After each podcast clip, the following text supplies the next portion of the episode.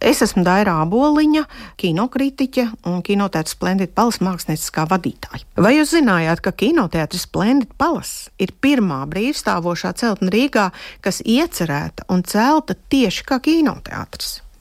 Tās dibinātāji Vasilijs Jemeljānovs un Leonīts Falšteins būvniecības vajadzībām ņēma kredītu bankā, ieķīlājot Elizabetes ielā nopirkto zemes gabalu.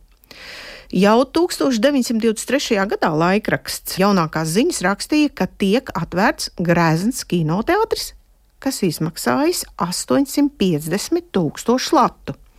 Ir zināms, ka celtniecības darbos piedalījās 990 strādnieku, un greznais nams tika uzcelts desmit mēnešos. Bet savu pirmo kinoteātri Iemeļjānaus, kurš dzimis Pēterburgas nomalē, nabadzīgu kurtnieku ģimenē, izveidoja nelielu kinoteātri jau tur, 30 gadu vecumā, taču Vasilijs iepazinās arī gauņu izcelsmes meiteni Mariju.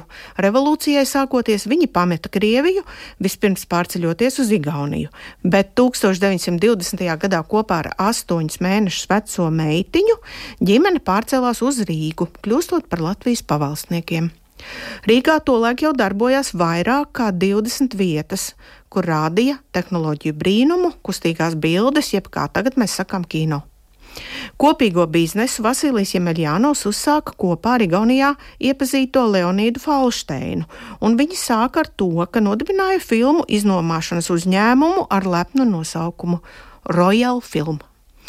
Filmas viņi iepirka Vācijā, kur no aprits izgājušās lentes pārdeva uz svara par 100 dolāriem tika iepirktas gadsimta sākumā veidotas, tātad tam laikam par vecām uzskatāmas vācu, franču un amerikāņu filmas. Bizness bija veiksmīgs, un publikai kino izklaide patika. Nebija šaubu, ka Rīga ir gatava kino pilī, kur biļetes bija dārgākas kā citās vietās. Lētākās biļetes Planet Palace maksāja no 70 centīmiem līdz diviem latiem, un cena bija atkarīga no izvēlētās rindas zālē.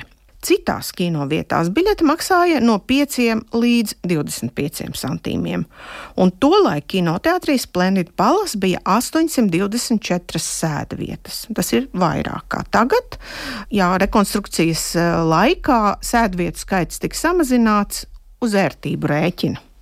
Tomēr Splendid Palace izcēlās ar publikas dažādību, jo šo kino prieku pretam atļāvās arī netik turīgie ļaudis. Uz Elizabetes ielas līdz 30. gadu beigām atradās jau divi citi kinoteātri, kuru telpas bija pielāgotas kino izrādīšanai pa labi no Splendid Palace atradās Astorija, bet pa kreisi kinoteātris Maska. Tāpēc šo Elizabetes ielas posmu mēdza dēvēt par Rīgas Broadveju. Starp citu, arī pašlaik Elizabetes ielu mēdz dēvēt par kino ielu, un uz tās atrodas trīs kinoteātri - pa labi kino bīze un pa kreisi kino suns.